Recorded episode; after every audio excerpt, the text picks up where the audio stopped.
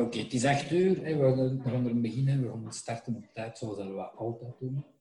Dus een goede avond allemaal en welkom op de Summer School Evening. Steven Lutin, Chris Persien, Hermina van Quali, eh, Jos Villevoy. Uh, Jos is beter gekend als de veiligheid en je mocht hem ook zo aanspreken. Juriaan. Koen Verlacht, Rudy Pont. Timothy van Goeten. Bart, het woord is aan u.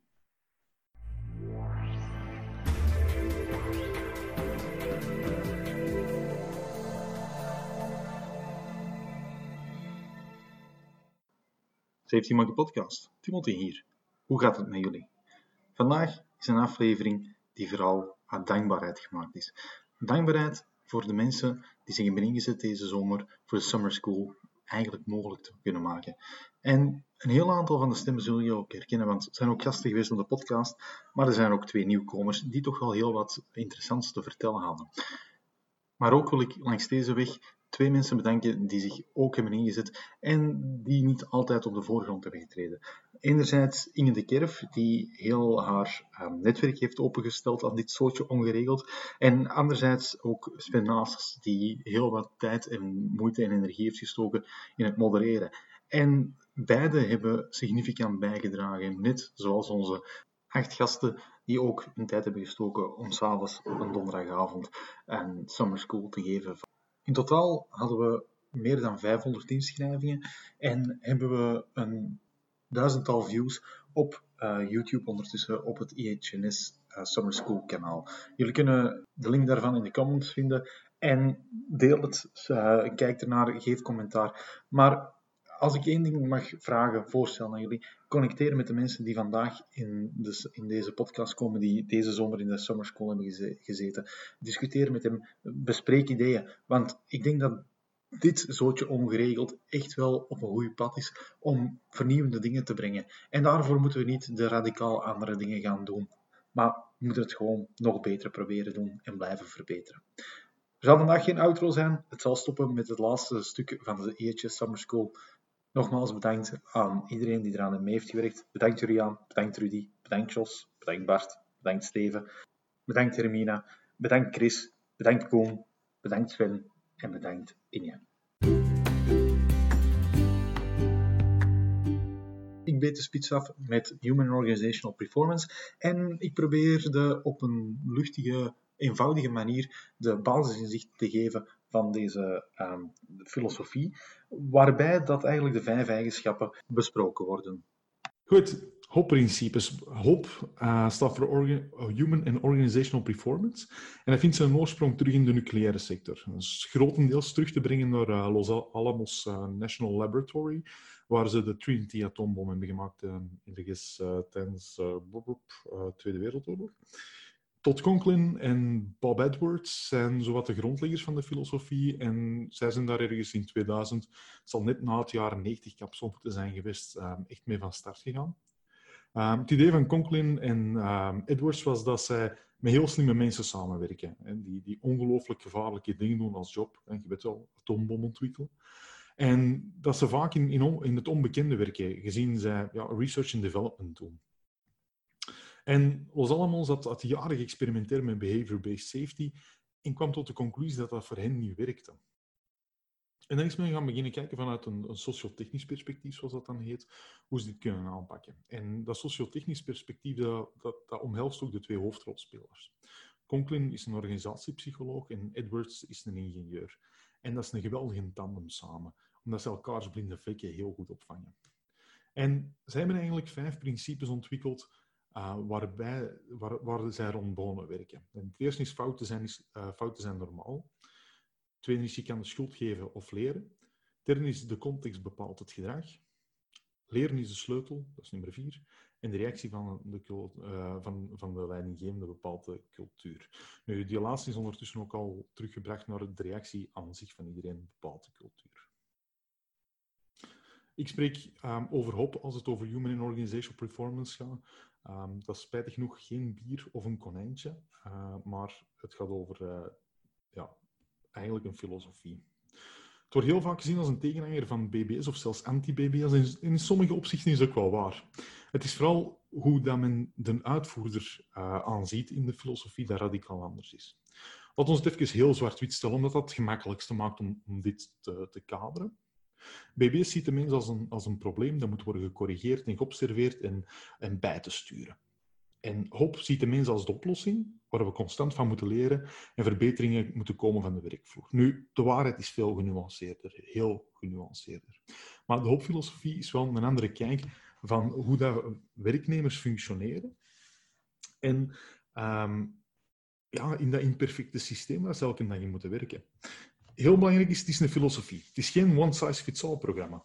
Ehm, ik ga proberen vandaag ehm, een aantal hulpmiddelen mee te geven van hoe dat die vijf principes in de praktijk kunnen worden gebracht en hoe dat we die in de praktijk al hebben gebracht. Um, nogmaals, het is geen one size fits all. Het is niet dat jullie hier vanavond gaan wegkomen met een programma dat je één op één morgen op je werkplek kunt gaan, gaan implementeren. Ik hoop wel dat er een aantal principes zijn die gaan blijven hangen. De week erna was het dan de beurt uh, aan Juriaan Kaals van Artmans. En Juriaan komt vertellen over het uh, Rijnlands denken en het Rijnlands organiseren. En waarbij je toch wel een heel duidelijk verschil maakt met het traditionele Anglo-Saxische denken. Het Anglo-Saxische denken dat we allemaal kennen vanuit het KP, dashboard management. Het intelligence, wat hier altijd af en toe bijgezet wordt, is eigenlijk de drang om um, cijfers te verzamelen.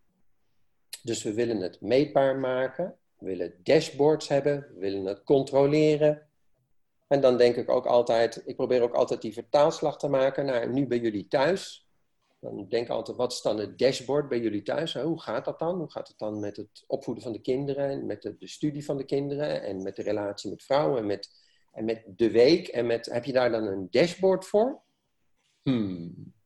Oké. Dat is een vraag die mogen jullie mij straks beantwoorden. Dan zullen we even naar de Rijnlandse uitgangspunten gaan. Rijnlandse uitgangspunten zijn vertrouwen, vakmanschap, verbinding en inspiratie. Daar zit ook een I in. Um, in een Rijnlandse organisatie ga je ervan uit dat mensen te vertrouwen zijn. Ga je ervan uit dat, dat mensen de juiste dingen willen doen. Dat mensen ochtends opstaan en naar hun werk toe gaan en denken: ik ga de juiste dingen doen. Of ik ga mijn werk doen. Ik denk dat geen van jullie zometeen zegt: Goh, ik sta s ochtends wel eens op en dan denk ik: Nou, ik laat de boel eens lekker in de soep lopen vandaag op mijn werk. Dat is een rare gedachte, vind ik altijd, terwijl we in veel organisaties het wel zo ingericht hebben dat we mensen moeten controleren, beheersen, dat soort zaken. In de Rijnlandse organisatie ga je ook nog uit van vakmanschap. En dan ga je er echt van uit dat mensen de juiste dingen op het juiste tijdstip kunnen doen. En dan dus juist in situaties die afwijken van het reguliere, zelfstandige, verstandige beslissing kunnen nemen. Nou, als ik nu kijk naar die COVID-tijden, dan, dan, dan zie ik bijvoorbeeld in de IC-verpleegkundigen in Nederland dat er echt mooie dingen gebeurd zijn, als je vanuit dit perspectief kijkt. Bij de IC in Nederland is um, heel veel van wat we tot voor kort kwaliteit noemden, eventjes opzij gezet, omdat het opgelost moest worden. De BIG-registratie bijvoorbeeld voor verpleegkundigen die ze moesten hebben om in de IC te kunnen werken, is afgeschaft, zodat er mensen konden komen werken die geen BIG-registratie hadden, omdat we mensen tekort kwamen. Op de IC hebben de verpleegkundigen het op dit moment zelf opgelost, zelf ingevuld. Ze hebben zelf allerlei manieren gevonden om vijf mensen te beademen in plaats van vijf tegelijk in plaats van twee. Ze hebben allerlei manieren zelf gevonden die niet door de afdeling kwaliteit bedacht zijn of door de HSE'ers bedacht zijn of door anderen bedacht zijn. Ze hebben het zelf gedaan, vanuit hun vakmanschap. Ook in verbinding met elkaar, want het is heel vaak in de teams zelf dat het tot stand gekomen is. Nou, de Rijnlandse organisatie ga je er ook nog vanuit dat het door mensen gebeurt voor mensen. We hebben het ook altijd over een werkgemeenschap. Dat mensen in een werkgemeenschap samen juiste dingen kunnen bereiken. Maar dan moeten ze het ook wel samen waarde hebben gegeven. De derde van onze summer school was Rudy Pont met Just Culture. En Rudy heeft eigenlijk een stuk aangesneden waar heel veel bedrijven nog mee worstelen. En dat was ook heel duidelijk na de sessie welke interactie er kwam en hoeveel vragen er ook kwamen. Nu, Rudy komt heel dit verhaal ook nog vertellen op de volgende prenie, uh, de digitale prenie. Met andere woorden, een extra reden om je in te schrijven. Goed, um, Just Culture eerst en vooral is een onderdeel van een ruimere safety culture. Dit is niet nieuw. Uh, 1997, Reason, kennen jullie ongetwijfeld. En daar had je al een, een definitie van Just Culture. Um, ook al is dit 23 jaar oud, dit blijft nog steeds van toepassing. Op de New View is eigenlijk een Just Culture een, een conditie sine qua non. Je hebt die insteek nodig, er niet van uitgaan dat mensen uh, naar hun werk komen om, uh, om, dingen fout te doen. Die heb je nodig in alles waar we vandaag waar we het over gaan hebben. Goed. Um, dus ja, um, welke definities zijn er dan zoal? Ik heb er hier vijf opgezond, maar uh, je zal er ongetwijfeld nog meer vinden. Ik ga er eentje uitpikken en dat is dan zogezegd de officiële definitie, die afkomstig is van, uh, van Eurocontrol en ook opgenomen in de Europese verordening. En daar zie je heel duidelijk al die balans. Een cultuur waarbij eerste lijnspersoneel of andere personen niet gestraft worden voor hun acties, nalatigheden of beslissingen die in overeenstemming zijn met hun ervaring en opleiding. Tot daar eigenlijk het no-blame verhaal. Dan, maar waarbij grove nalatigheid, opzettelijke overtredingen en destructieve handelingen niet worden getolereerd. En dus je ziet tussen die twee, dat we motiveren mensen om, om dingen te rapporteren, maar tegelijkertijd is er een soort van stok achter de deur die zegt, ja, maar ja, als je echt over de lijn gaat en je, doet dingen opzettelijk fout, nou, dan zal je ook wel verantwoordelijkheid moeten afleggen. Het wil zeggen dat er een balans is. Een balans tussen aan de ene kant acceptabel handelen, aan de andere kant onacceptabel. We gaan dat straks een lijn noemen, daar komen we nog op terug. Uh, binnen een organisatie zou je die balans ook anders kunnen zien. Zou je eigenlijk kunnen gaan zien, ja, het is eigenlijk het vertrouwen van de werkgever aan de werknemer, hè, die, die een stukje autonomie geeft. Die werknemer die moet, moet zijn job doen op zijn manier, maar die ook verwacht dat die werknemer een verantwoordelijkheid aflegt. En ook dat die werkgever zelf niet verantwoordelijk wordt gesteld, of als die een stukje vertrouwen geeft aan die werknemer, en die werknemer die lost dat niet in, ja, in hoeverre wordt de werkgever daar dan verantwoordelijk gesteld? En omgekeerd. Omgekeerd is dat precies hetzelfde. Als je dat bekijkt op nationaal niveau, dan kijken we eigenlijk naar veiligheid en rechtsbedeling. Ik geef een voorbeeldje. Um, Zwitserland momenteel zijn er drie rechtszaken die momenteel lopende zijn Ondertussen zijn er al twee uh, half geregeld. Eén is een, is een volledige uitspraak ondertussen, um, waarbij verkeersleiders um, veroordeeld zijn voor incidenten. Dus dingen waar iets fout is gelopen, het dichtbijkomen van twee toestellen bijvoorbeeld. Het ging over een opstijgen van een, van een toestel op een kruisende landingsbaan en een ander toestel uh, dat een, dat een go-around, dat een een afgebroken nadering deed. Wel, op dat moment, die verkeersleider heeft dat uiteindelijk gezien, heeft daar onmiddellijk actie op ondernomen. Uh, de toestellen zijn, zijn, uh, hebben van elkaar weggestuurd en er is niks gebeurd. Er waren geen gevolgen, er waren geen consequenties. Alsnog, het is ook gerapporteerd voor alle duidelijkheid. Dus de verkeersleiders hebben dat zelf gerapporteerd, hebben dat aangegeven. Er zijn lessen uitgetrokken, er is lering uitgetrokken. En wat is er gebeurd? Er is toch een rechtszaak gestart. Wel, op dat moment hoef ik je niet te vertellen dat de rapporteringsgraad bij de andere verkeersleiders als een plumpudding in elkaar zakt en dat je eigenlijk bijna geen, uh, geen mensen hebt die nog dingen gaan vertellen, want die zeggen allemaal, ja, maar ja, als ik hier iets vertel en dat komt op het bureau van een, uh, van een aanklager, dan ben ik zelf liable, dus dat doe ik niet. En daar moet je eigenlijk die balans zoeken tussen, ja, wanneer heeft dat nut? Hè? Zeg ik dat die aanklager geen, geen uh, proceedings mag instellen? Dat zeg ik helemaal niet. Maar het is wel interessant dat je bij die mensen aan de justitiële kant kan zeggen van kijk, als je dat doet en je hebt daar goede redenen voor, dan moet je dat absoluut doen. We hebben dat trouwens ook niet te vertellen of zij dat moeten doen of niet. Maar hou er wel rekening mee dat dat een enorme impact kan hebben aan de andere kant. Onze vierde gast was uh, Jos Villevoy. En Jos had een, toch wel een andere aanpak van deze summer school dan al de rest. Waarbij wij toch nog steeds uh, traditioneel vasthielden aan onze PowerPoints. Had Jos zoiets van, vragenaanbod. En wat heel belangrijk was bij uh, Jos zijn verhaal was dat wanneer je toch een beetje pleinvrees had, Ehm, je kon dat goed maken door een dubbele salto achterwaarts te maken voor de camera. Ehm, we hebben het niet gezien, er zijn ook geen ongevallen gebeurd, dus het zal allemaal wel veilig zijn geweest. Ja, ik vind scenario denken, um, jij bent de baas. laten we zeggen, scenario denken, je bent de baas. Dus als je scenario's gaat opstellen, wat jij, jij schrijft je realiteit uit. jij bepaalt wat je denkt dat er gaat gebeuren. En eventjes, misschien Johan, uh, ik, ik heb die ervaring ook van Johan. Uh, vaak wordt scenario, in Nederland wordt veel van scenario denken gevraagd van bedrijven in de cv-sferen.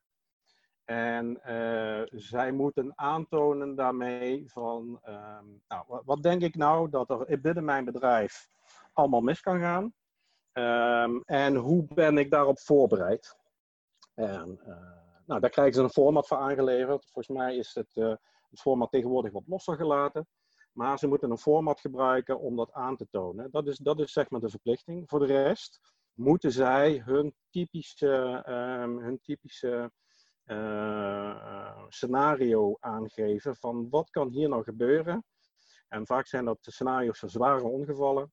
En hoe zijn wij daarop ingericht? Um, wat zij verplicht zijn te doen is um, een aantal oorzaken te noemen en een goede mix van oorzaken.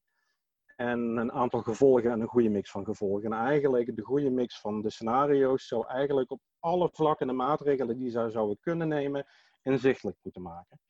Um, maar ja, het echte verhaal, dat zit bij de mensen die, uh, die, uh, die het scenario moeten zetten.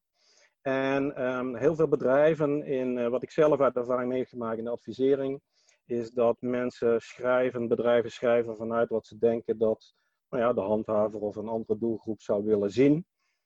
nee, dat is niet zo. Je schrijft naar iets op waar je zelf achter kunt staan. En niet om maar bladvulling te hebben. Um, en dat is een hele belangrijke. Doe je dat niet, dan uh, ga je verzanden in een, in een heel moeilijk proces. Waarbij je ja, nou goed je eigen geloofwaardigheid ook een beetje uh, uh, op het spel zet.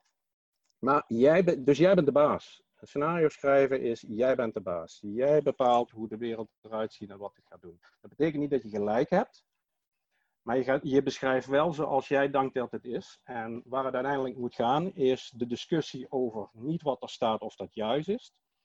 Uh, maar of de gedachtegang en de keuzes goed zijn. Want dat is, dat is eigenlijk waar het om gaat. Hè? Um, en dat zie je natuurlijk ook in de filosofie. Dingen zijn zoals ze zijn. Maar de vraag is even, wat vinden we er nou van? En, en, en, en welke, welke waarde hechten we daar nou aan? Dus, dus dat is eigenlijk, uh, ja, dat vond ik wel een, ik, ik, vind dit altijd leuk. Jij bent de baas. Je bent een beetje in de God mode en eh, beschrijf jouw realiteit. Op de vijfde week kwam Bart uh, van Raals uh, vertellen over de Tipix-ongevallen. En Tipix-ongevallen was ook wel het populairste onderwerp. Uh, wij hadden toen bijna een full house, waarbij dat we toch merkten dat het verhaal achter Tipix en hoe dat um, bepaalde mensen of bepaalde firma's omgaan met arbeidsongevallen, toch heel wat morele verontwaardiging meebracht bij de mensen die daar aanwezig waren. En er was ook vaak een discussie van, ja, maar dit kan toch niet? En dan kwam Bart weer met andere cijfers tevoorschijn. Um, een zeer goed onderbouwde, een zeer interessante sessies. En ook een sessie die hij blijft geven.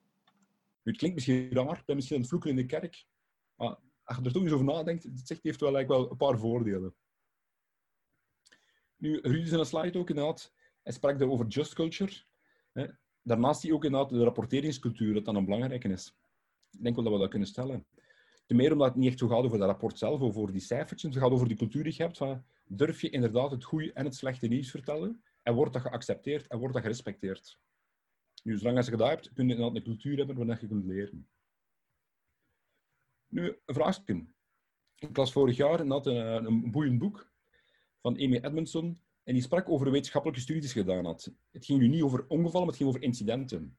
Een ziekenhuis, en dan gingen ze kijken naar twee verschillende teams. En zagen ze bij het ene team opmerkelijk meer fouten. Fouten als in verkeerde medicatie, te veel, te weinig, uh, niet noem het maar op. Nu, dat is natuurlijk geen arbeidsongeval, maar toch, ik zou als patiënt niet graag de verkeerde dosis krijgen of de verkeerde me medicatie. Dus toch een bijzonder belangrijk onderdeel.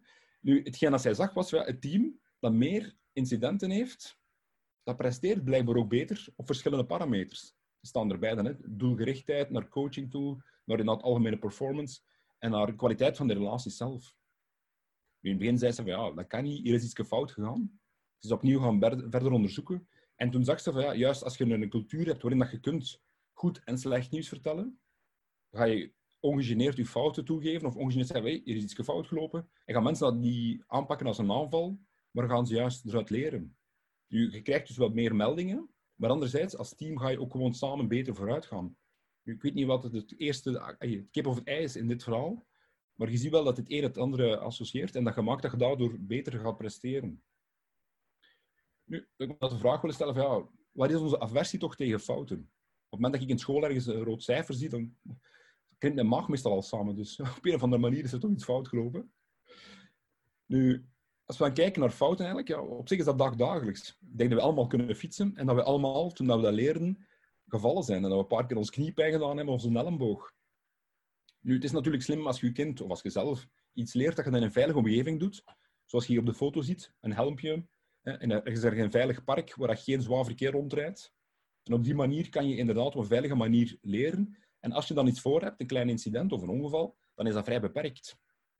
En dan besef je ook van, oei, ik ben evenwicht, ik moet het toch beter doen. En een tijdje later zijn je me weg. Maar ik denk dat dat een betere approach is dan dat je zegt van, nee, nee, blijf maar met je helm rijden, blijf maar met je zijsteuntjes fietsen en blijf maar enkel in het park fietsen. Nou, dat zou niet goed komen natuurlijk. En op die manier zullen we nooit volwassen kunnen worden en nooit mooie fietstochten kunnen maken. En dat geldt met helemaal andere zaken ook. Als we inderdaad niet door onze leercurve gaan en als we niet durven onze fouten toegeven om daar dan beter uit te worden, dan kan het helaas niet veel beter worden. Nu, arbeidsongevalcijfers, inderdaad, ja, ik denk dat vooral leren en verbeteren vitaal is.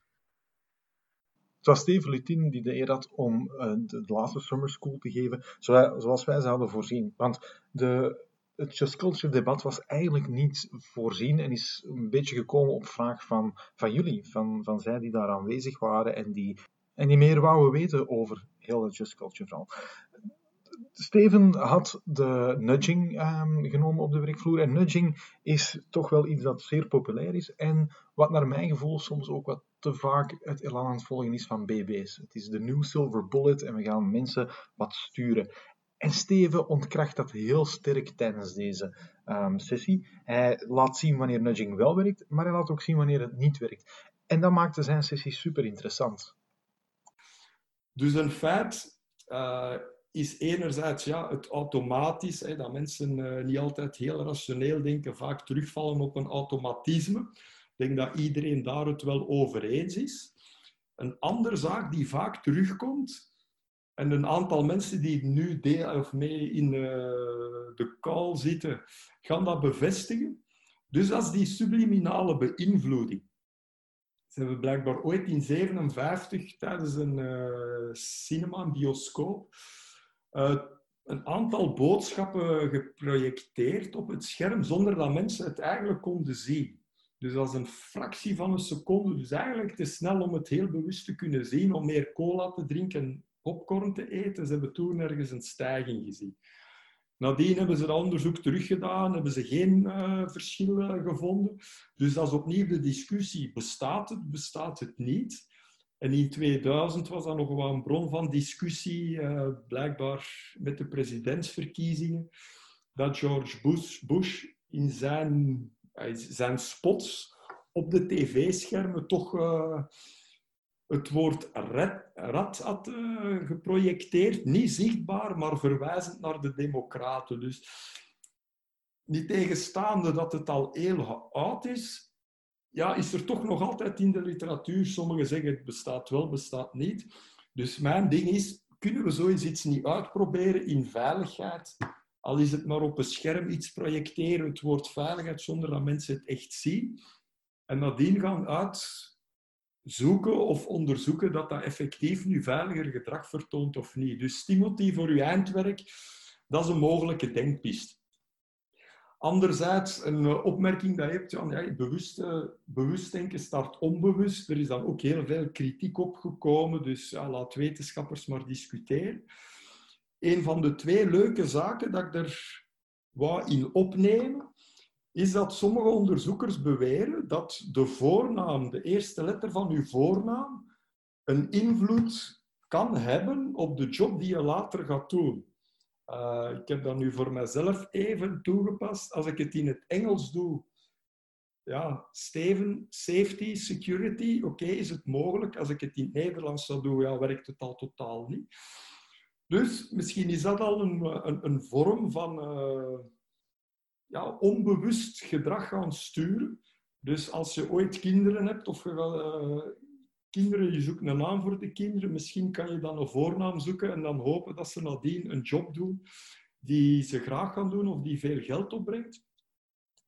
En dan kan je ook nog, is een tweede zaak die ze gezien hebben, is dat er een link is dat mensen die trouwen, vaak trouwen met een partner met dezelfde voornaam. Daar opnieuw, uh, al die onderzoeken en die publicaties, zijn er evenveel wetenschappers die al die zaken van tafel vegen en zeggen dat dat totaal niet statistisch bewezen is.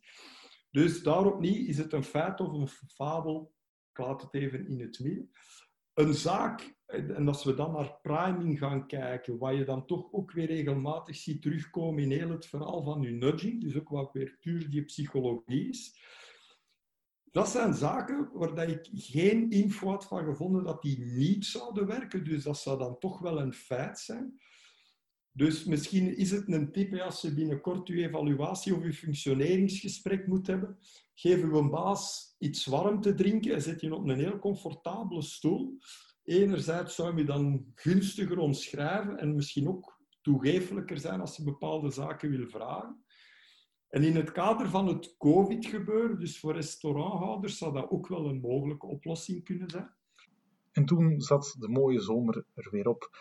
Deze podcast gaan we afsluiten met het Just Culture debat en de dingen die de vier uh, panelleden zeker wouden dat jullie meenemen als jullie gaan experimenteren met Just Culture. Wat zeker uh, aan te raden is. En, en Rijk uit naar Rudy Ponto en rijk, ook uit naar de anderen in dit panel. Want als je de vier samenzet en je breekt die silo's af, zoals Chris Persien ook voorstelde, krijg je ongelooflijk mooie zaken. We hebben onze mond altijd vol van multidisciplinaire aanpak. Wel, als het gaat over multidisciplinair aanpak, denk ik dat dit uh, panel absoluut laat zien wat een toegevoegde waarde het kan zijn. Om enerzijds iemand te hebben die, die met twee voeten in het werkveld staat, en anderzijds iemand die ongelooflijk goed onderlegd is van Just Culture. Dan heb je nog iemand die een juridische achtergrond heeft, die daar ook nog eens de problemen en de oplossingen ook ziet. En dan heb je een organisatiepsycholoog die zegt van jongens, als we dit doen, gaan we mensen meer motiveren. En daar draait het om. Het draait er niet om om mensen meer bewust te maken van veiligheid of meer te laten nadenken over veiligheid. Nee,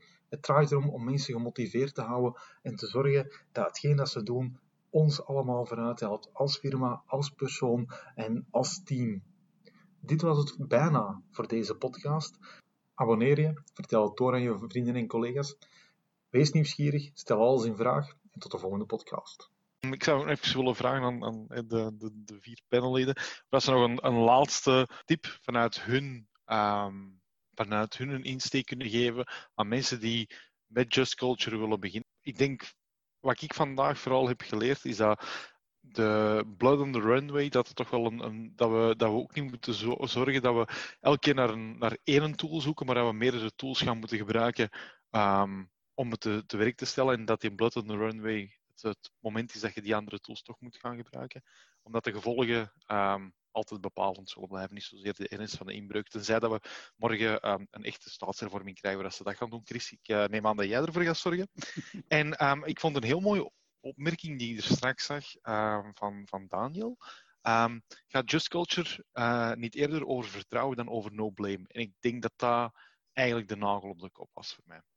Koen, wat geef jij ja, de mensen nog mee? Daar, daar ga ik absoluut mee, mee akkoord. Het gaat over vertrouwen, het gaat over empathie, het gaat over hey, een aantal mooie competentie, uh, bekwaamheid van mensen waarderen en daar ook op, op afgaan.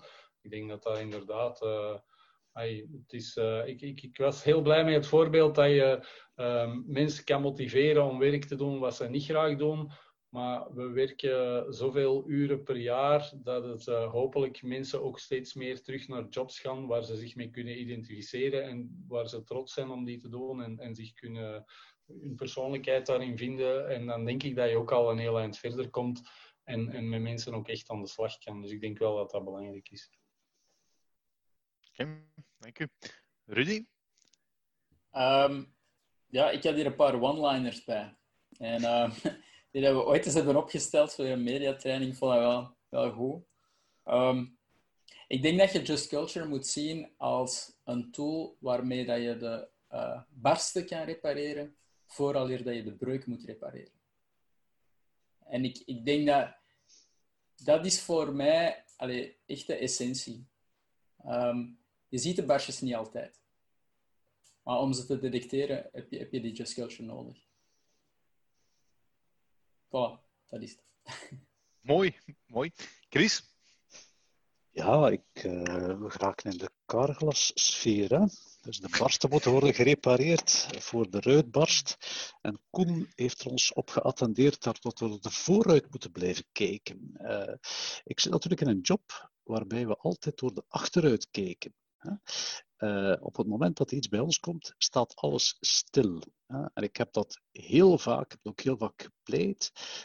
Wat doen wij? Wij beoordelen een situatie terwijl we neerzitten. Als advocaat staat er recht aan, maar de magistraat die moet oordelen, zit neer. En die gaat ja, rustig uh, in een al dan niet goed verlucht uh, lokaal gaan beoordelen wat er is misgegaan in omstandigheden waar iemand onder druk stond, waar iemand snel een beslissing heeft moeten nemen. Dus met andere woorden, uh, dat door de vooruit kijken, ik vond dat eigenlijk een hele goede. Ik heb die opgeschreven, Koen. Ik ga die, ik ga die onthouden. Hè. Maar wij zijn als jurist bijzonder sterk in het voorspellen van de toekomst zodra die voorbij is. Uh, wij kijken eigenlijk altijd terug naar het verleden. Maar denk dat, uh, en dan sluit ik aan bij wat Rudy zei, uh, dat er een split zal nodig blijken en blijven tussen wat eigenlijk ja, als zeer ernstig, dus waar zeer ernstige gevolgen aan vastzitten. En die zullen, denk ik, altijd het voorraad moeten blijven uitmaken van het traditionele proces zoals we dat vandaag kennen. maar eigenlijk staat niets in de weg om binnen dat systeem en naast dat systeem en eigenlijk cijfermatig dan en juristen en cijfers, je weet, dat gaat niet goed samen, maar het overgrote deel, ik ga geen procenten noemen, het zijn er heel veel, de situaties zouden eigenlijk, daar ben ik ook van overtuigd, baat hebben bij het introduceren van die just culture. Hè. Met dan, uh, en dat is dan het laatste wat ik als jurist daar aan toe te voegen heb, uh, met de nodige waarborgen ingebouwd binnen de wetgeving, opdat de split tussen wat er gerapporteerd wordt en moet gerapporteerd worden en, en meegedeeld wordt uit al dan niet vrije wil, hè, dat dit naderhand niet kan gebruikt worden tegen degene die verplicht is geweest om het niet te delen. Ik denk dat dat wel een hele belangrijke is, omdat als dat er niet is, één, zit je, en dat is toch, dat, zou heel erg zijn, zit je met een inbreuk op een fundamenteel, op een grondrecht, grondrecht dat erin bestaat dat je jezelf niet moet beschuldigen en dat je eigenlijk op het moment dat je aangevallen wordt, je alle middelen moet hebben om je daarop te verdedigen. Want vergeet ook niet, uh, het gaat over heel weinig cases, maar het zal je natuurlijk maar, ja, het zal maar op jouw hoofd vallen. Hè? Een baksteen uh, valt op jouw hoofd en, en jij moet in die situatie, denk ik dan toch, optimaal je kunnen verweren tegen wat er allemaal tegen jou wordt ingebracht. Ik denk dat dat eigenlijk uh, van mijn kant de enige, uh, enige nog resterende inbreng is uh, daaromtrent. Super, dank u. Hermina, nog een aantal afsluitende woorden? Ik ga heel kort zijn, maar wat ik graag meegeef als takeaway is dat het zeker en vast mogelijk is om uzelf of anderen te motiveren voor iets op een goede, kwalitatieve manier, zonder dat je daar zin in hebt en zonder dat het plezant hoeft te zijn. Het leven is niet per se, um, of niet alles draait om het moet leuk zijn en gelukkig zijn. Kijk, zaken die zinvol zijn, die belangrijk zijn, die betekenis hebben, dat is waar het allemaal om draait. Er wordt vaak nog om het, over het hoofd gezien met de happiness officer en met alles draait om geluk. Wel nee, alles draait volgens mij en volgens die theorie om zinvolheid en belang. En uh, het mag ook eens even niet plezant zijn, maar wel zinvol. Alsjeblieft. Super, dankjewel. Hierbij nog het Just Culture debat ter afsluiting.